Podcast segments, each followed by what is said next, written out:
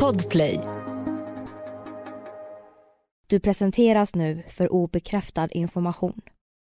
Var därför kritisk till materialet som bygger på fiktion, åsikter och vinklad fakta. Podcasten kan inte ses som en trovärdig källa.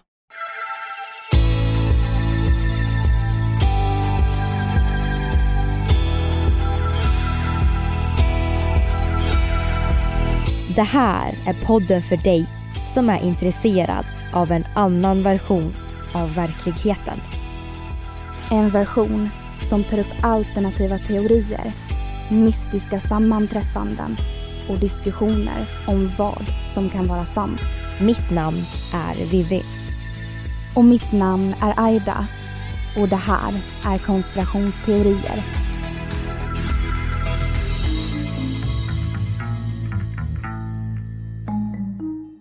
Allihopa och välkomna tillbaka.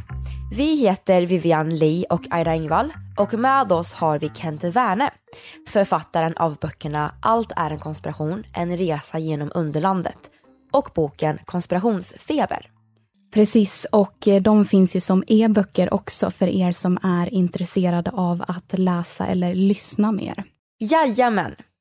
Så Kent, utifrån din erfarenhet, skulle du säga att det är mest människor som tror på teorier eller om det är fler människor som faktiskt sprider dem? Åh, jättebra, intressant fråga. Jag tänker att eh, det är ganska många människor som sprider konspirationsteorier som egentligen inte tror på dem. Eh, utan att man gör det som en lek eller för att man tycker att det är roligt eller eh, man tycker bara att det där kan jag väl sprida likadant som nyheter från DN. Liksom. Eh, men man har inte tagit ställning riktigt för den här teorin. Eh, men eh, det är ju väldigt många som tror på konspirationsteorier, det får vi ju komma ihåg. Om man tittar Mm. på opinionsmätningar så, så är det ju ungefär 10 procent av Sveriges befolkning som, som verkar vara ganska hårt konspirationstroende. Alltså man tror att, att eh, 9-11 var ett insiderjobb, att eh, Sverige och världen styrs av Illuminati eller frimurarna eh, och så vidare. Och skulle man ställa frågor kring Estonia eller Palmemordet så gissar jag att siffrorna kommer att raka i höjden och kanske uppåt en 50 procent. Jag har inte, faktiskt inte sett några sådana opinionsmätningar. Så jag, jag vet inte, men jag har det på känn i alla fall. Så att, så att eh, väldigt många människor tror ju på konspirationsteorier, men jag tror nästan att, att det eh, kanske är ännu fler som sprider dem. Mm. Om man tänker till USA, eh, det är många teorier som kommer därifrån. Eh, vad, vet du vad det grundar sig i? USA har ju väldigt länge varit en, eh, en hotbed för konspirationsteorier. Eh, I, i liksom 200-300 år har det spridits konspirationsteorier där. Men jag skulle inte säga att det var mer där än i Europa fram till andra världskriget. Eller fram till och med andra världskriget, utan snarare tvärtom. Eh, Men efter andra världskriget så har det varit väldigt mycket i USA som konspirationsteorierna har, har skapats och spridits och fått fäste. Liksom. Ehm, och det beror ju väldigt mycket på, tror jag, att, att det är ett rätt orättvist land. Eh, Människor känner otrygghet och att eh, det är sociala konflikter och politiska konflikter som är väldigt uppskruvade och har varit Mm. det ganska länge. I Europa var det ju det liksom innan andra världskriget och till och med det, om man säger så. Eh, men eh, i USA har det fortsatt att vara det och det ser vi också nu i Europa när eh, liksom polariseringen ökar och när, när det uppstår väldigt stort missnöje med, med etablissemangets liksom, politik och så. Då sprids det också mer konspirationsteorier här. Så jag tror att det är förklaringen. Men sen anledningen till att de amerikanska, eller att de konspirationsteorier som föds i USA får en så stor spridning globalt, det är ju också på grund av engelskan. Alltså, det uppstår ju också konspirationsteorier i Kina, men det är väldigt få människor som kan mandarin utanför Kina. Eh, Mm. Vilket gör att, att det, eh, ja, det får inte samma globala spridning såvida inte, eh, såvida inte aktivt sprids av, av liksom, eh, regimen i Kina, om man säger så. Eh, vilket det har gjort under coronapandemin. Så att jag tror att språket är väldigt viktigt. Det är också därför som jag och ni och andra eh, har lätt för att liksom, intressera oss för eh, USA och de konspirationsteorier som sprids där. Vi förstår ju vad de säger liksom. Mm. Vi förstår vad vi läser. Det gör vi inte med tysk, kanske nödvändigtvis med tyska då eller spanska eller liksom kinesiska. Mm. Eh, utan de flesta kan åtminstone engelska så då är det lätt att, att börja där. Ja, jag har, inte, alltså jag har inte tänkt på att språket har sån stor del, men det känns väldigt givet nu. När vi gör researchen till podden så blir det ju väldigt mycket teorier från USA och jag, de når ju Sverige väldigt lätt än att man ska sitta, när vi, när vi gjorde avsnitt om eh, eh, familjen Romanov så blev det ju mer att man hamnade inne, på ryska sidor och där fick jag ju sitta med translate då. Så att de är ju inte alls lika stora här. Nej. Nej, precis. Så, eh, jag har ju också skrivit om konspirationsteorier som har uppstått i andra länder. Jag, i, I min första bok så eller som sprids i andra länder. I min första bok så besökte jag till exempel Dresden eh, under ett Bilderbergmöte där och träffade folk som, som var så kallade Bilderbergjägare och som trodde att, ja, som trodde att, att eh, liksom Bilderberggruppen var den dolda världsregeringen och ville konfrontera dem som kom ut på en löptur eller satte sig i en, en taxi och så vidare. Men det är klart att då, jag kan ju inte tyska så att då blir det en utmaning att det är på engelska man pratar och de som inte fattar det, de, de kan man inte kommunicera med på samma sätt. Eh, och det, man får köra Google Translate på, på liksom, eh, olika inlägg på Facebook och så för att fatta vad det handlar om. Och ibland kanske det blir fel, vad vet jag. Men, men det är så man får göra. Men eh, i USA och Storbritannien då förstås så är det ju väldigt mycket enklare eh, att, att göra sin research och eh, att intervjua folk och göra reportage ifrån. Och det är väl också anledningen till att förutom då Tyskland så är det USA och eh, Storbritannien som jag skriver om i min första bok. Det är där jag eh, träffar folk, det är där jag är på konferenser och det är där jag är på föreläsningar och sådär och deltar i demonstrationer. Eh, just därför att jag, ja, jag fattar vad de säger. Men våra lyssnare undrar faktiskt om det finns någon konspirationsteori som du tror på. Jag dröjde lite Ett poddtips från Podplay. I podden Något Kaiko garanterar östgötarna Brutti och jag, Davva, dig en stor dos skratt. Där följer jag pladask för köttätandet igen. Man är lite som en jävla vampyr. Man har fått lite blodsmak och då måste man ha mer. Udda spaningar, fängslande anekdoter och en och annan arg rant.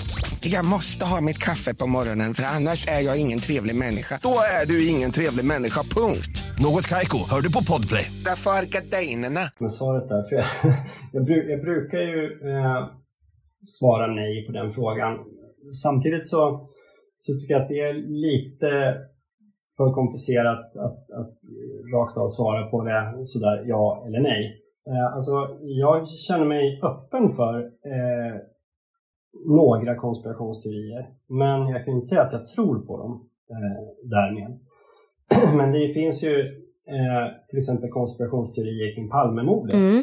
Som inte, Mm. alltså det finns en hel del befängda teorier som att Palme inte alls skulle ha dött på mordplatsen utan fraktats till Schweiz bara, liksom, eh, på bakvägar. Eh, men men ta till exempel eh, teorier om, om att eh, sydafrikanska underrättelsetjänsten skulle ha varit involverat eller för den delen CIA eller den så kallade Stay Behind-rörelsen eh, som var liksom någon slags NATOs förlängda arm in i Sverige. Eh, eller eh, nazistiska poliser eller eh, liksom, reaktionära militärer och sådär som alla egentligen hade motiv att på något sätt få Palme ur, ur, ur bilden. Eh, och eh, jag menar, man måste på något sätt ändå vara lite halvöppen för det därför att i, i fallet, fallet Palmemordet så finns det ju ingen liksom, dömd gärningsman och det finns heller inga bevis eh, som jag har sett som knyter någon till mordet eller på något sätt pekar väldigt starkt i den här riktningen. Nu har ju eh, den tidigare eh, liksom, utredaren då, Christer Pet- Petersson som han heter, pekat ut Stig Engström, alltså Skandiamannen, som, som kanske skyldig då liksom. Men det finns inga bevis för det heller. Eh, även fast det nu är, numera verkar vara den officiella förklaringen. Så så länge det inte gör det så, så känner jag mig öppen för att, att några, någon av de här konspirationsteorierna kan stämma. Däremot är jag väldigt tveksam till det här PKK-spåret som eh, ju faktiskt Hans Holmér, länspolismästaren, spred eh, en gång i tiden. Det var ju också en konspirationsteori, den kan vi nog avfärda tror jag. Mm. Eh, Men eh, generellt så skulle jag säga, jag, i och med arbetet med mina böcker och i och med att jag fördjupat mig i ämnet så har jag nog snarare blivit mer skeptisk mot konspirationsteorier. Eh, ibland kanske för mycket, vad vet jag? Alltså det, det kan ju då som sagt framkomma bevis som flyttar en konspirationsteori från eh, liksom underlandet och kaninhålet in i verkligheten. Så att eh, Eh, det måste man ju alltid vara öppen för. Mm. Så nu när du har gjort mycket research och mycket ja, men, djupdykning i ämnet, hur kommer det sig att du har blivit mer skeptisk? Därför att jag har sett liksom, bristerna i resonemangen eh, och eh, kunnat då se hur konspirationsteorier också uppstår eh, och hur de fortplantas genom historien. Det är ju inte så att, att konspirationsteorier, eh, särskilt ofta i alla fall, uppstår som en slags rationellt, eh, som ett resultat av rationellt tänkande eh, och, och, logisk argumentation. Utan de, eh, de är snarare som historiska tankefigurer som eh, återkommer hela tiden. Mm. och då blir det uppenbart för mig att det här är närmare liksom myter och berättelser som, som människor tror på snarare än någonting som, som folk verkligen har satt sig ner och på riktigt tagit reda på sanningen kring.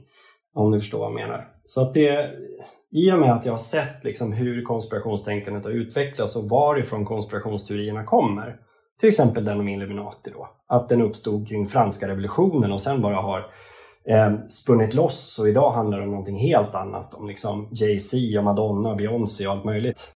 Menar, då, då förstår man ju att menar, här, det här, allt det här kan ju inte stämma. Liksom. Eh, det är någonting som är, är, är närmare så att säga, religiösa myter än vad det är liksom, historisk forskning, om man säger så. här. Så, och sen har jag också just sett på något sätt vilka konsekvenser åtminstone vissa konspirationsteorier kan få allvarliga konsekvenser. Och då blir man på något sätt automatiskt väldigt skeptisk till dem. Eh, och det, det kanske inte alltid är rättvist på något sätt. Jag menar, det, saker kan ju vara sanna fast de får hemska konsekvenser. Men, men det gör åtminstone att man blir väldigt misstänksam kring om det här verkligen stämmer eller inte. Ja, jag skulle nog säga att, att i och med att jag har försökt, i och med att jag har liksom förstått anatomin i konspirationstänkandet eh, så ser jag liksom hur naket det ofta är. Om du förstår mm. vad jag menar. Alltså jag sätter lite utan kläder och då, eh, då blir det ganska svårt att, att tro på det.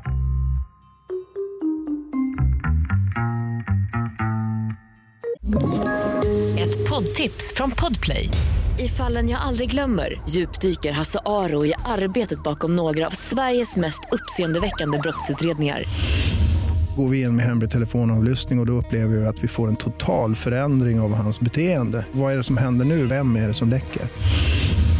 Och så säger han att jag är kriminell, jag har varit kriminell i hela mitt liv men att mörda ett barn, där går min gräns.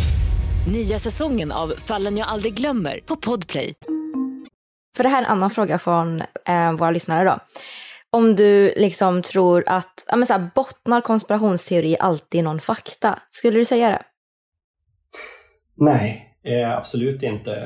Eh, jag menar, fakta är ju då eh, ett problematiskt begrepp i och för sig eftersom det också finns något som idag kallas för alternativa fakta. Mm. Eh, så, så, fakta behöver kanske då nödvändigtvis inte vara sanna, eh, vad vet jag. Ehm, men om man ser till, om man istället pratar om bevis eller belägg så bottnar de absolut inte i bevis och belägg, snarare tvärtom då. Per definition så är liksom för mig en konspirationsteori obevisad. Inte nödvändigtvis osann, men obevisad. Det finns inga, inga hållbara belägg för att det stämmer.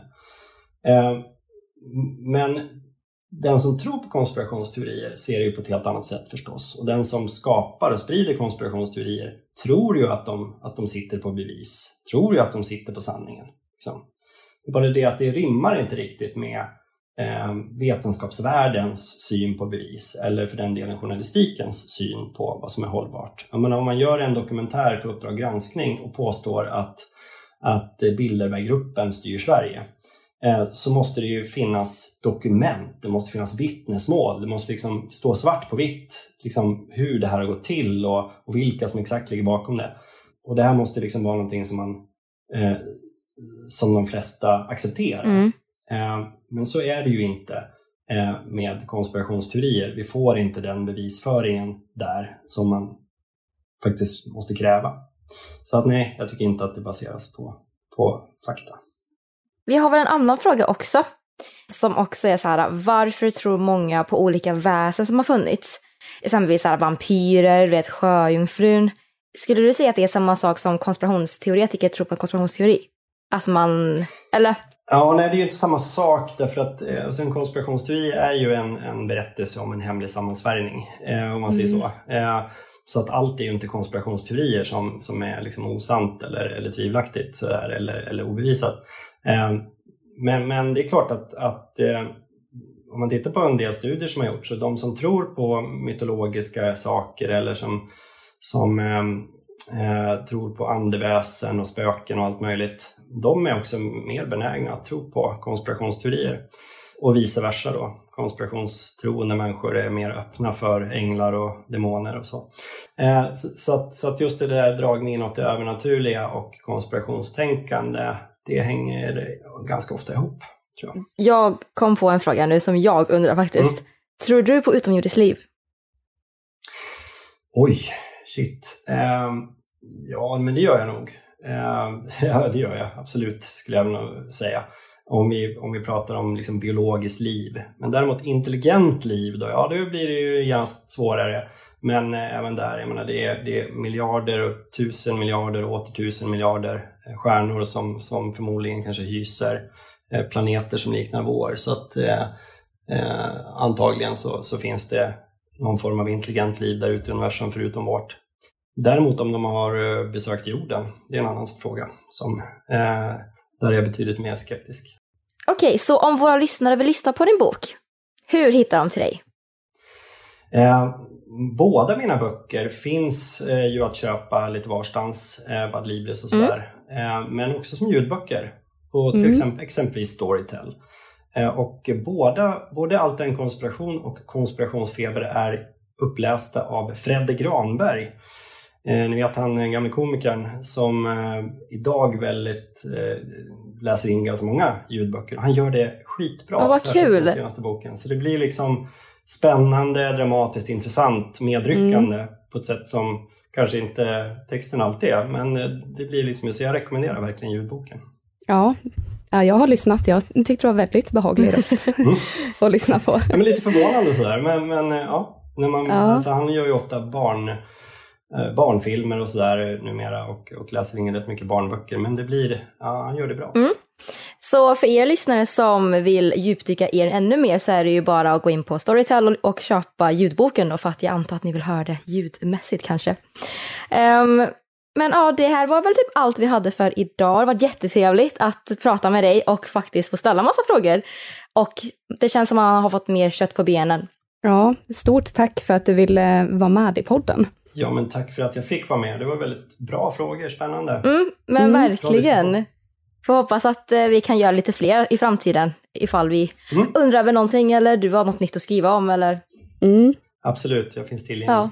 För det lär definitivt uppstå nya konspirationsteorier, så ämnet är ju inte uttömt.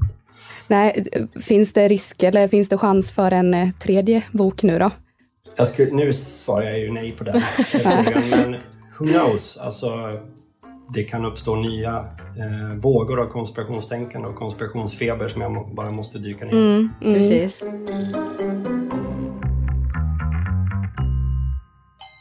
Ja, och om det gör det eller inte, det får vi väl återstå och se. Vi kan ju hoppas att det inte kommer en till pandemi. Men eh, vi vill i alla fall tacka för oss och för den här säsongen och vi hoppas att ni är laddade inför nästa. Och under tiden så finns det ju såklart avsnitt att lyssna på. Vi har ju som sagt hela tio säsonger så det är bara att gå in och lyssna på vilket avsnitt du vill för att hålla dig uppdaterad eller bara för att, eller bara för att djupdyka dig i ja, konspirationsteorier helt enkelt. Precis, och om ni har tips på avsnitt som ni vill höra, som ni tycker att vi bara måste ta upp i podden, så är det ju bara att skicka in dem via våra sociala medier så gör vi vårt bästa för att få med dem i framtiden. Ja, och vi finns på sociala medier såsom Instagram och Facebook. Så det är bara att gå in där och söka på konspirationsteorier så kommer ni att hitta oss. Japp. Ha det så bra tills dess hörni. Jajamän, så hörs vi. Det gör vi. Hej då! Hej då!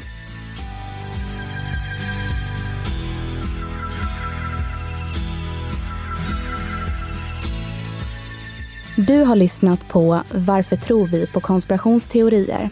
Avsnittet gjordes hösten 2021. Vi som har gjort programmet heter Vivian Lee och Aida Engvall tillsammans med redigerare Jenny Olli. Källorna till dagens program hittar du via vår Facebook eller Instagram där vi heter konspirationsteorier.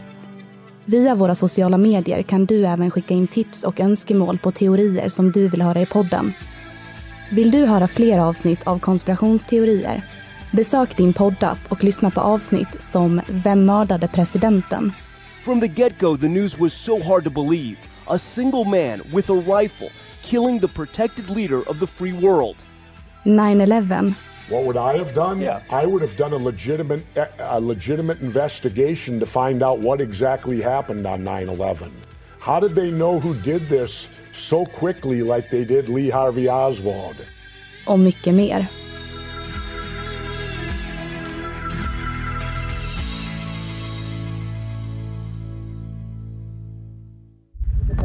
Podplay, en del av Power Media.